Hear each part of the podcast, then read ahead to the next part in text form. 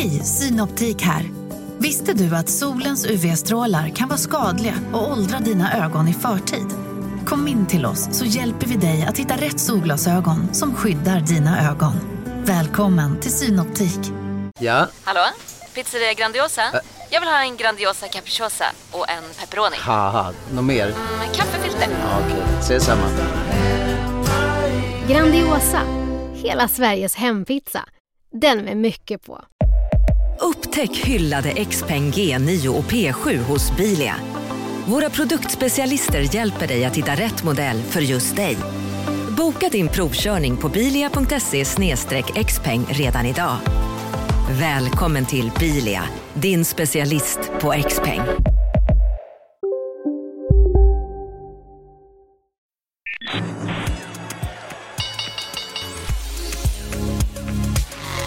Det här är Affärsvärlden med Helene Rådstein. Hej och hjärtligt välkomna till podden Affärsvärlden där vi varje torsdag fördjupar oss i affärsvärldens journalistik. Jag heter Helene Rådstein och jag är redaktör på Affärsvärlden. Och nu så står jag här i Boston är vi med Johan Eklund, du är börsreporter och analytiker på Affärsvärlden. Kul att du är här. Ja, kul att du är här, Helene. Du, vi går ju runt här lite i Boston. Vi besöker universitet och eh, företag och entreprenörer och eh, ja, lite alla möjliga.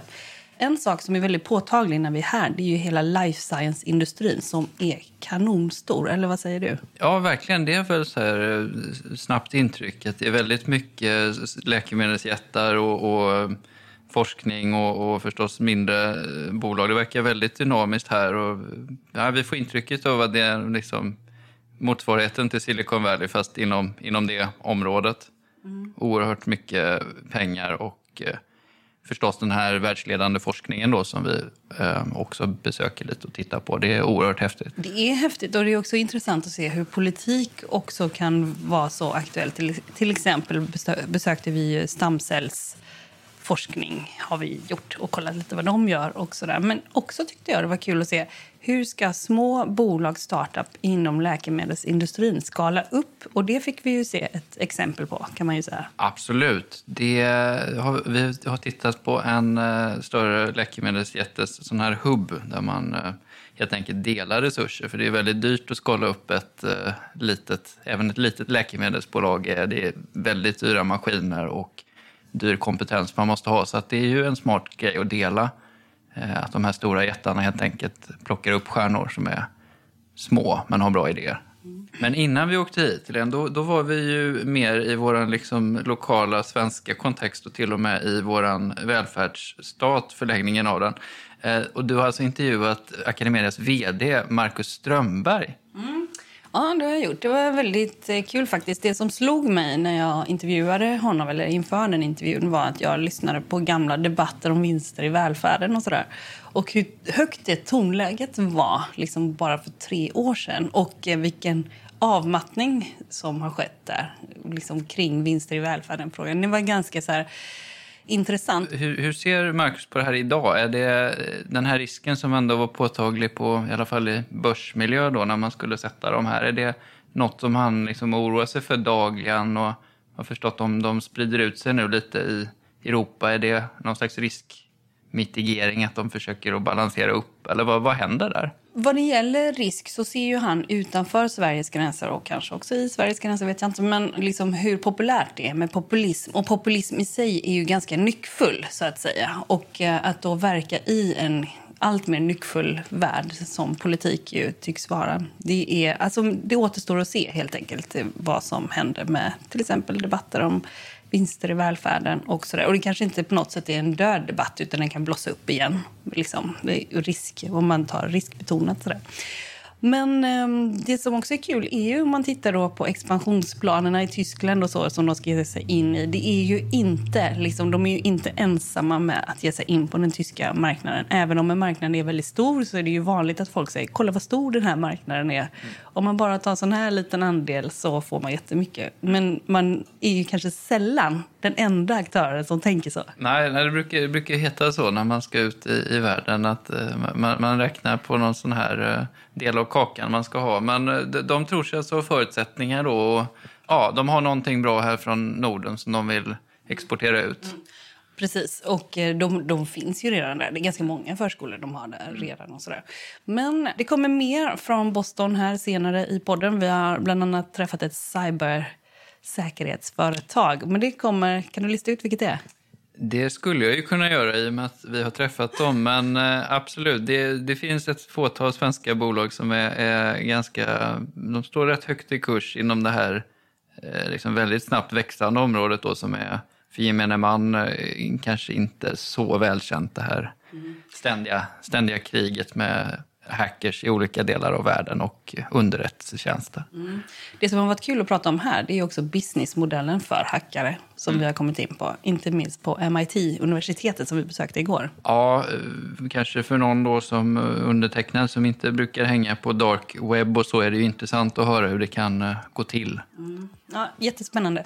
Hur som helst, eh, mer från Boston kommer lite senare, om kanske några veckor i podden. Och intervjun med Marcus Strömberg, vd för Academedia sedan 2005, den kommer här. Marknaden sponsras av SPP, pensionsbolaget. Eh, förra gången pratade vi lite om ITP. Och som en kort repetition så, så var det ju 70-tal, arbetsmarknadens parter bestämde att alla tjänstemän ska ha en tjänstepension. Man kom överens om vilka villkor som ska gälla i den här pensionen och så kallade man den för ITP. Så jobbar man idag som tjänsteman i ett företag med kollektivavtal, då har man förmodligen den här pensionen, ITP-pensionen. Eh, och det är ju så att man kan påverka eh, den här pensionen, hur den är placerad. Vart femte år så gör nämligen Collectum, som de heter, en enorm upphandling där olika pensionsbolag kan ansöka om att få förvalta eh, de här pensionerna. Och SPP är ett av bolagen som valdes ut i den senaste upphandlingen. Och sen kan du som pensionssparare välja eh, vilket av de här olika pensionsbolagen som, som då ska få ta hand om dina pengar. Och tanken med den här upphandlingen är ju att liksom kvalitetssäkra de här olika alternativen eh, men också att förhandla fram stora rabatter så att pensionsspararna ska få, ja, kunna spara pengar genom att avgifterna eh, som är så viktiga eh, blir eh, lägre. Och vill man välja någonting i ITP-systemet då finns det en relativt ny sajt som heter avtalat.se. Ehm, där kan man gå in och se hur sin ITP-pension är placerad. Jag gjorde det häromdagen faktiskt. Ehm, idén är att hälften av pengarna alltid ligger i något som kallas för traditionell försäkring. Det här gjorde vi ett avsnitt om i podden Kapitalet nyligen eh, som vi kallade världens bästa sparform. kan man lyssna på om man är intresserad. Eh, den andra halvan eh, den kan man också lägga i en traditionell försäkring eller så kan man placera det i något som kallas för fondförsäkring. Eh, SPP som sagt eh, var ju ett av de fåtal bolagen som valdes ut i den senaste upphandlingen och de finns med som alternativ både med en traditionell försäkring och med eh, fonder. Så det var en liten bakgrund till ITP-systemet. Vill man läsa mer om det här eller typ kolla hur ITP-pensionen är placerad, eh, kanske göra förändringar, då går man in på avtalat.se Eh, men tack säger jag till SPP som vill göra oss människor mer medvetna om hur enormt viktig pensionen är för oss som en framtida lön, men också som en positiv kraft i samhället eh, och förstås för att ni möjliggör eh, den här podden Marknaden. Du lyssnar på Affärsvärlden Magasin med Helene Rådstein. Du, eh, du öppnar fönstret här. Det här rummet är ju ganska tajt. Ganska, eller? eller vad säger du? Nej, men det är ju så att alltså, hur kontor ska se ut, det, det kan man alltid diskutera kring. Men vi rör oss ju väldigt mycket. Vi var ju ute på en skola här alldeles nyligen och oftast är det så att våra rektorer, de har ganska bra rum därför att de ska kunna träffa sina lärare. Det ska vara lite integrerade konferensrum. Men vi som jobbar inom administrationen, vi är ju väldigt sällan på våra, våra rum. Så därför försöker vi jobba mer flexibelt. Mm. Du, eh, om jag säger eh, 350 000 tyska dagisplatser, vad säger du? Jag tycker det är så fantastiskt detta att, att Norden och Sverige kunnat bli en modell för hur man kan driva förskola i Europa. Och hela den här idén om att hur ska man få familjer att fungera, hur ska man få ett bra arbetsliv, det börjar ju nu länderna ta till sig. Och i både Frankrike och, och Tyskland och Polen och Nederländerna. Och i Tyskland har man ju bestämt sig nu för att erbjuda förskola från ett års ålder. Och det är klart att det kommer ju vara en enorm påverkan på hur att bägge i en relation, i ett äktenskap, i en familj kan jobba. Men det kommer också att påverka arbetskraften väldigt mycket.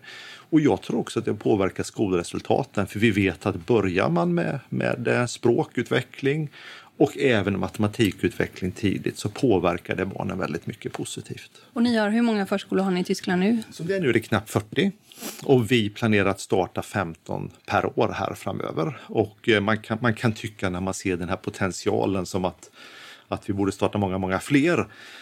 Men med 15 är ju organisk tillväxt, vilket är ju som vi ser det helt fantastiskt. Och det är ju en, en ny kontext och det är att lära känna många kommuner och många bundesländer och många nya människor. Så att vi tycker att vi kanske är den organisation som har den starkaste positionen för den tyska förskolesektorn just nu. Det finns ju flera konkurrenter mm. nere på den tyska marknaden. Inte minst det finns ju några som också är eh, på franska, mm. inom franska bolag och sådär. Hur ser du på, som har många fler förskolor i Tyskland. Hur ser du på den konkurrensen och vilken är tuffast? Och skulle ni kunna slå ihop er med några andra företag där? Nej, men alltså, de, flera franska företag är i Tyskland. Några av dem har totalt misslyckats därför att de har inte lyckats med att få ihop den kulturella mixen och ledarskapet mellan Tyskland och Frankrike. Medan andra har lyckats bättre. Och jag menar hela nyckeln när man jobbar i den här sektorn det är att kunna jobba med människor och få med sig människor. Det är ju Academedias framgångsfaktor i Sverige och det har hittills varit vår framgångsfaktor i Tyskland. Sen vad som kommer hända på den europeiska marknaden. Jag tror att om man tittar på den här sektorn fyra, fem, sex år framåt i tiden så kommer det ha skett olika saker. Det finns flera stora franska bolag som är intresserade av att jobba in i andra länder. Och vi har också stora amerikanska aktörer som tittar på den europeiska sektorn. Så att jag tror att det kommer ske saker i den här branschen framöver. Från Academedias sida så tänker vi liksom samhällsutveckling, ta tillvara på akademediearvet, liksom göra den här organiska tillväxten nu och sen lära känna de här olika organisationerna som finns. Därför att vi vill göra någonting som är bra. Att bara vara stor, det är inget egenvärde för oss. Som det är nu så har vi inte beslutat om att gå in i något annat land. Jag tycker ju att Finland är ett intressant land därför att det väldigt, ligger väldigt nära oss. Eh, det tycker jag. Jag tycker även Polen, även om jag värderingsmässigt kanske inte delar allt det som sker i Polen, så tror jag att förskolor skulle ha en stor betydelse för det polska samhället. Och sen är givetvis Frankrike en intressant sektor, men man ska också ha en väldig respekt för Frankrike därför att Frankrike är ett väldigt eh, nationellt styrt land så, så, att det är viktigt att man vet vad man gör och vi tar mycket ansvar och det är därför som vi vill ha fokus på Tyskland just nu och göra det så bra som vi bara kan. Och eh, expansionen utomlands, den sker inte med svenska skolpengen? Nej, men vi har haft en, en princip att varje land ska stå på egna ekonomiska fötter. Och det gör att den tyska utvecklingen har skett via lån i Tyskland. För när ni gick in i Norge, mm. då gjorde man det genom förvärv? Mm. Eller? Men det är inte alls samma planer nu? Ja, men alltså när vi gjorde det i Norge, då gjorde vi det med det vi kallar en stor sammanslagning. Det har vi gjort i Sverige genom åren många gånger. Och när vi gjorde det i Norge så hade de knappt ja, cirka 70 förskolor. Idag så har de 100 förskolor. Så att vi har tillsammans utvecklat den norska verksamheten. När vi gick in i Tyskland så var vår första tanke att starta helt själva. Och det försökte vi med något år, men det slog vi faktiskt ganska fort ur hågen därför att det är inte så lätt att bara komma som svensk och tro att man kan lösa, lösa alla problem, utan då, då hittade vi några stycken duktiga förskolepersoner som vi tog till Norge, visade dem den norska modellen. Sen förvärvade vi dem i det som vi kallar för ett plattformsförvärv. Och då var det, jag tror det var fem förskolor. Och sen har vi från den basen utvecklat den positionen som vi har idag. Och jag tror att om vi ska gå in i andra länder, nu ska vi diskutera det med styrelsen först och främst, men om det ska göras så tror jag det är en klok strategi. Därför att kan du inte det lokala, kan du inte de lokala förutsättningarna, då är det väldigt svårt att bli långsiktigt framgångsrik. Och på den svenska marknaden, då ska ni skippa några orter, verkar det som, framöver. Hur ser den strategin ut?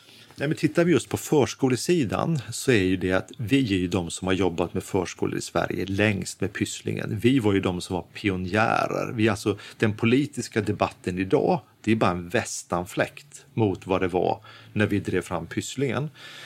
Men nu är det så att nu har ju väldigt många år gått och tyvärr är det så att några kommuner tycker vi inte satsar tillräckligt mycket resurser på barnen. Och de kommunerna har vi pratat med kommunledningen under lång tid. Och nu har vi talat om för dem att vi kommer lämna de här kommunerna om inte de investerar mera resurser på barnen. Det handlar alltså om skolpeng, peng per barn, som är för låg. Precis, precis, skolpeng. Och tar du bara ett exempel. Vi tar, tar mera principiellt så är det flera kranskommuner till Stockholm som har ganska så låg skatt och ganska så låg skolpeng. Täby kanske? Kanske som ett exempel, skulle kunna vara ett exempel. Kanske skulle det också kunna vara Vallentuna.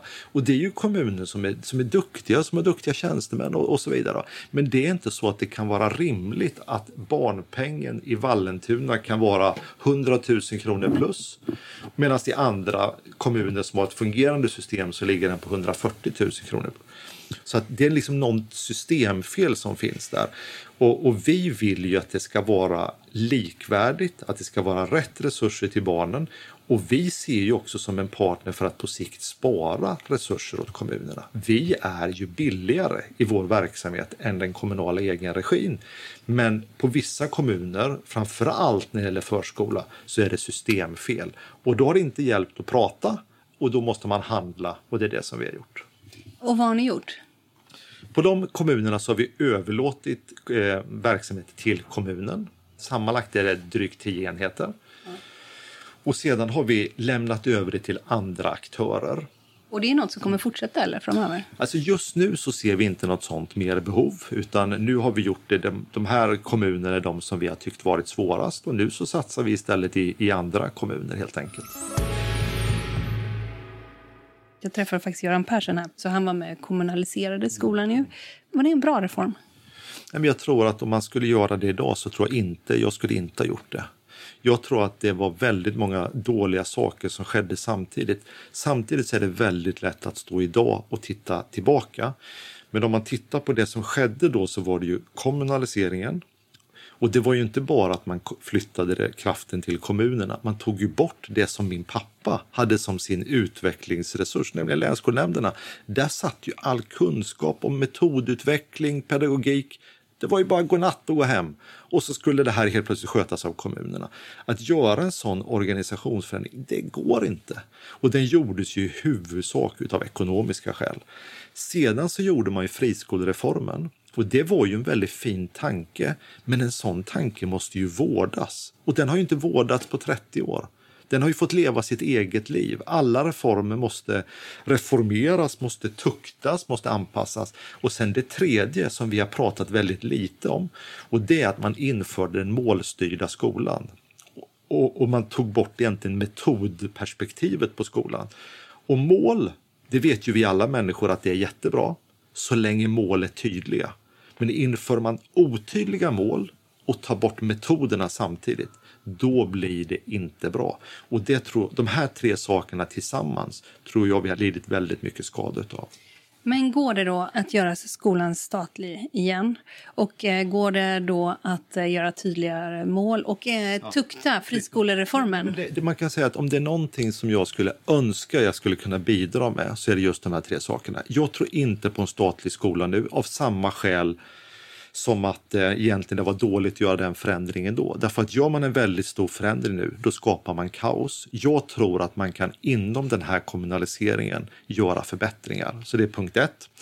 När det gäller då punkt två kring friskolorna så är det ju så att den här, just nu är det 400 000 barn som går på fristående skolor. Det är en del, det är en naturlig del av det svenska skolsystemet. Men det måste ju omgärdas av långsiktiga, konkreta spelregler, kvalitetskrav, insyn och så vidare vidare. Och det är ju det man måste, måste utveckla. Nu har vi kommit en bit på väg, men tyvärr så den här så kallade vinstdebatten, den är ju som ett, eh, den är ju som en rökridå för att kunna ta tag i de verkliga problemen. För så fort man börjar prata om vinstdebatten så blir det ideologi istället för fakta. Och sen det tredje, där har jag ju visst hopp nu och då handlar det om det här med att förtydliga kursplanerna. Och jag bara hoppas på att det verkligen blir så. Därför att när Björklund ändrade till de här kursplanerna vi har nu, då var ju inte ambitionen att det här skulle bli som en labyrint som man aldrig kan ta sig ur. Utan det har ju blivit av andra skäl. Nu är ju ambitionen att tydliggöra kartan och jag hoppas verkligen att det ska bli så.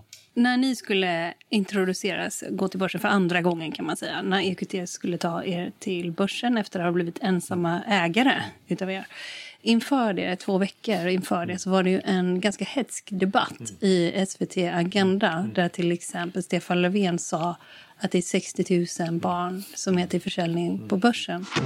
Nu har vi ett skolföretag, Academedia, som sätter 60 000 barn på börsen. Men det är inte så, det är inte så, det är inte så vi har resultat. Jag läste i dagens tidning att Stefan Löfven säger att barn blir en handelsvara på börsen. Det anstår inte en statsminister att uttrycka sig på det sättet. När Academedia går ut och säger att man nu ska börsintroduceras så fullföljer man den friskoleuppgörelse som vi var med och fattade beslut om. Hur tror du Academedia tjänar sina miljarder till Wallenberg? Jo, de har 18 procent färre lärare i vinstdrivna skolor därför att det är så man gör vinst. Och ska de sälja det på börsen, då vill de göra ännu mer vinst på de här barnen. Då ska man skära ner ännu mer och ännu färre lärare. Jimmy Åkesson har någonting att berätta för svenska folket. Ska du inte berätta hur ni har blivit smorda av de här riskkapitalbolagen? Alla goda luncher och middagar och bjudningar vi har varit på. För i valrörelsen så vill ni ta bort vinsterna i skolan. Och sen har ni liksom blivit bästa kompisar med de här Wallenberg och de här gängen liksom, och gått på whiskybarer och vad som Där fick ni höra hela den förra debatten så du kan svara, varsågod. Ja, alltså, ni vet väl att Jonas Sjöstedt är så här fictionförfattare. Vad tänkte du om det och hur har samtalstonen förändrats sen dess? Det, det, det är självklart att vi var många som var väldigt ledsna. Men nu har jag ju jobbat med politik så, så pass länge, eller nära politik så pass länge, så att jag förstår att liksom det är en annan dimension. De är ju en åsiktsindustri. Vi jobbar ju med verkligheten och, och så att jag, jag, även om jag blev ledsen för det, jag tyckte det var väldigt onödigt, så kan jag förstå att man i politiken behöver ideologiska stridslinjer. Jag tycker man ska sluta och se skolan som en ideologisk stridslinje. Vi borde i Sverige kunna enas kring skolsystemet. Och det är ju faktiskt så att fristående skolor är här för att stanna. Låt oss vara med och bidra till att göra saker och ting bättre. Och sen har ju nu samtalsklimatet har ju helt ändrats. Men det kan också blåsa upp igen. Men jag tror att det handlar då väldigt mycket om försöka hitta ideologiska stridslinjer. Och politiken i världen har, har, har, ju enorma utmaningar och det som gör mig liksom väldigt orolig det är att populism får sånt genomslag. Det verkar vara väldigt framgångsrikt att vara populism. Så att jag sätter stort hopp till stora partier. Socialdemokratin har ju varit otroligt viktiga och är viktiga för Sveriges framväxt, även de andra stora partierna. Att man kan forma gemensamma förutsättningar för de viktiga viktigaste samhällssektorerna. Tror du att vi är på väg ditåt? Just nu känns det så. Just nu känns det så. I Sverige. Jag är ganska positiv till situationen i Sverige just nu. För vad som hände sen var ju också att Ilmar Reepalu kom med en eh, utredning. Och vad hände med den? Den blev ju del i ett politiskt spel kan man säga. Därför att det var ju en utredning som var dödsdömd från första början. Därför att den byggde på en modell som ingen trodde på och som gjordes därför att man skulle upprätthålla samarbetet mellan Vänsterpartiet och, och Socialdemokraterna. Så att den är egentligen, skulle jag säga, begravd, både utav att det inte finns stöd för den, men också att den faktiskt var omöjlig att genomföra i praktiken. Du lyssnar på Affärsvärlden med Helene Rådstein. Eh, marknaden sponsras av Karla. Eh, vi pratar ju en hel del om bilar här på kontoret. Eh, Karla har ju skapat, skulle jag säga, det som är standarden för hur man idag köper och säljer bilar på nätet. Eh, kort bakgrund bara. Eh, karla säljer och leasar begagnade elbilar eh, och laddhybrider på karla.se. Alltså en helt digital upplevelse. Och man har gjort det här med ett nästan maniskt fokus på vad en bilköpare faktiskt behöver. Jag gjorde ju en intervju med en av grundarna, Patrik Illerstig, i marknaden här eh, ganska nyligen, eh, daterad 25 mars, om man vill lyssna på den. Eh, men där berättar han hur de kom in i det här lite från vänster för att försöka uppfinna hela den här liksom bilköpupplevelsen från början. Och de har idag, vilket är rätt otroligt, 4,8 i betyg eh, på Trustpilot. Jag, jag har sett många företagssidor på Trustpilot, men det här är nog bland eh, det bästa jag någonsin sett eh, faktiskt. Man kan sälja bilen till Karla också. Eh, då går man in på karla.se, delar lite info om bilen, sen får man en gratis värdering och ett bud. De hämtar bilen helt gratis i hela Sverige och så har man pengarna på kontot i samma stund som de hämtar bilen. Det är grymt. Eh, så ska du köpa en ny bil eller sälja din gamla, eller båda delar för den delen, gå in på karla.se och eh, kolla. Alltså karla.se och Karla stavas med C. Tack så mycket till Karla. Nu är det ju 80 000. Har ni 80 000 barn? Och ni har 17 000 anställda. Men det är ju egentligen som att ansvara för en svensk liten stad. Ja. Ja, hur, hur känns det ansvaret? Nej, men jag, jag kom ju till Academedia 2005. Jag minns än idag min första dag. Det var, kontoret var i Kista. Vi hade den största Academedia-skylten utanför kontoret som jag någonsin har sett. Jag hade ett rum som var typ fyra gånger så stort som detta med eget bibliotek, egen dusch. Det var bara liksom ett litet problem. Det fanns inte en enda elev. Så jag började ganska snart förstå att det här företaget har stora problem. Och då, då Eh, var jag tvungen att vinstvarna för då var företaget börsnoterat. Och det gjorde jag på min födelsedag den 25 oktober. Och jag minns fortfarande idag att jag var tvungen att hålla luren typ en halv meter från örat för att investerarna var så arga och jag tänkte att liksom, det här är min sista stund i kommen.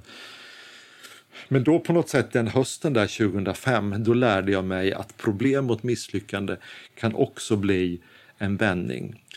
Och hela 2006 så jobbade vi bara med att få företaget ut och förändras. Sen i januari 2007, då fick jag liksom första gången börja jobba med utveckling och då gick vi samman med NTI-skolan som det hette. Och det var liksom resan som liksom fick en annan vinkel. Och det har gjort att Academedia från 2005 har gått ifrån 200 anställda till idag nästan 17 000 anställda. Från inga elever, som vi i stort sett inte hade då, till idag 80 000 skolelever och tillsammans med våra vuxenelever 170 000. Och jag, jag tänker att det här är en kombination av att att olika omständigheter som har skett, att det här har varit i rätt tid. Men jag har också bär, bär med mig en, en livsprincip som är att det som utvecklas, det växer. Och det är klart att det bästa kvittot på att man gör någonting som är rätt är ju att faktiskt att saker och ting växer. Och det här företaget har vuxit under alla år som jag har varit här. Och det är jag otroligt tacksam för. Du pluggar i teknisk fysik, va? Vad hände? Varför, varför sitter du här och är vd nu? Nej, men det, det är ju, ungdomar är ju väldigt olika och jag var inte så speciellt målinriktad. Jag gick ut med, med höga betyg från naturvetenskaplig linje och jag tänkte att jag vill gå någonting som är svårt. Och då blev det teknisk fysik. Och eh, det är klart att om jag hade spelat om mitt livsband nu, då kanske inte jag hade valt just teknisk fysik. Men samtidigt så idag så är jag väldigt glad därför att den matematikkunskap som jag har haft med mig har lärt mig en väldigt bra problemlösningsförmåga. Och det är klart att i början av min, min karriär, då var jag på väg mot programmering, bildbehandling, Fouriertransform, avancerade matematiska beräkningar. Sen hände det en knorr och jag kom in och började jobba som lärare på vuxenutbildningen några år. Och sen händer det där som, som händer oss människor ibland att det, det sker någon slags livs... Det får en annan kurva. Och då var det en som sa till mig, du jag tror att du ska bli chef här. Och då blev jag det. Och sen på den vägen är det faktiskt att, och, och jag har aldrig ångrat det. Jag älskar att jobba med människor. Jag tror att jag har en viss talang för det, att, att utveckla och skapa och sen dessutom att jag fått ägna mig åt det jag tycker allra, allra bäst om, nämligen barn och unga och utbildning. Det är jag otroligt tacksam för. Gick du själv i förskola? Det gjorde jag faktiskt inte. Varför inte? Nej, men jag var ju nu, man tycker att man är ung, men jag är faktiskt över 50 och jag är uppvuxen i den generationen där min, min mor tyckte det var väldigt viktigt att vara hemma med barnen. Så att hon arbetade under en stor del av min uppväxtnatt. Och hur hon orkade det, det kan jag ibland fundera på. Så att hon var sjuksköterska, hon jobbade på akutmottagningen så att då kunde hon sticka iväg liksom när vi hade somnat och sen kom hon på morgonen och då sov hon ju kanske fram till lunch och då var oftast mormor eller farmor hemma till oss. Och din pappa han var mellanstadielärare? Min pappa var mellanstadielärare och jag tror han var en väldigt duktig lärare faktiskt. Och eh, han är ju på den tiden då han, då liksom, han har ju kontakt med länsskolnämnderna och hur det gamla systemet fungerade i Sverige. Och vi pratar ibland om det och det är ganska intressant det där att ingenting är nytt under solen, att det rör sig på något sätt som är i kretslopp. Sen så utvecklades han och blev rektor under många år. Sen var han områdeschef och då var han faktiskt områdeschef över den skolan där jag själv gick i, i skolan när jag växte upp. Och jag var ju en typisk förortsskola. Men det som är den stora skillnaden mellan de skolorna när jag växte upp som det är idag.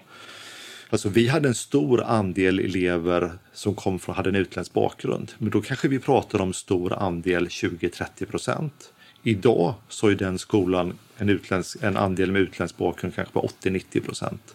Så att Sverige har ju förändrats väldigt mycket. Bostadssegregationen har slagit igenom och det är på något sätt som att, att, att ledningen politiken har inte velat se hur Sverige har utvecklats och vågat ta tag i detta på ett bra sätt. Men min pappa har alltid haft ett, enormt stort engagemang för just de här frågorna. Så att jag var ofta med också, även efteråt, på det som kallades för Råslättsdagen. Råslätt är ju ett sånt här utsatt område där jag, där jag är uppväxt. Så att han var alltid på den här Råslättsdagen som var väldigt viktig för honom att, eh, ja, att vara med och visa att han faktiskt bryr sig om hur samhället utvecklas. Och hur var det för dig att gå i den här skolan? Trivdes du bra? Jag tyckte jag läste någonstans att det var inte så himla lätt alla gånger. Nej, men, men man kan säga som så här att eh, det som idag är mobbning och hela den, den delen som, som vi pratar väldigt mycket om idag hade jag väldigt svårt med när jag växte upp. Det här var en ganska tuff skola. Eh, jag, nu är jag ju lite över medellängd, men då var jag ganska kort och ganska sent utvecklad. Så att, så att jag hade mina, hade mina prövningar under den tiden. Så att jag trivdes inte jättebra under min högstadietid, det måste jag säga. Men kunde du känna att eh, du var till exempel rädd för att gå till skolan?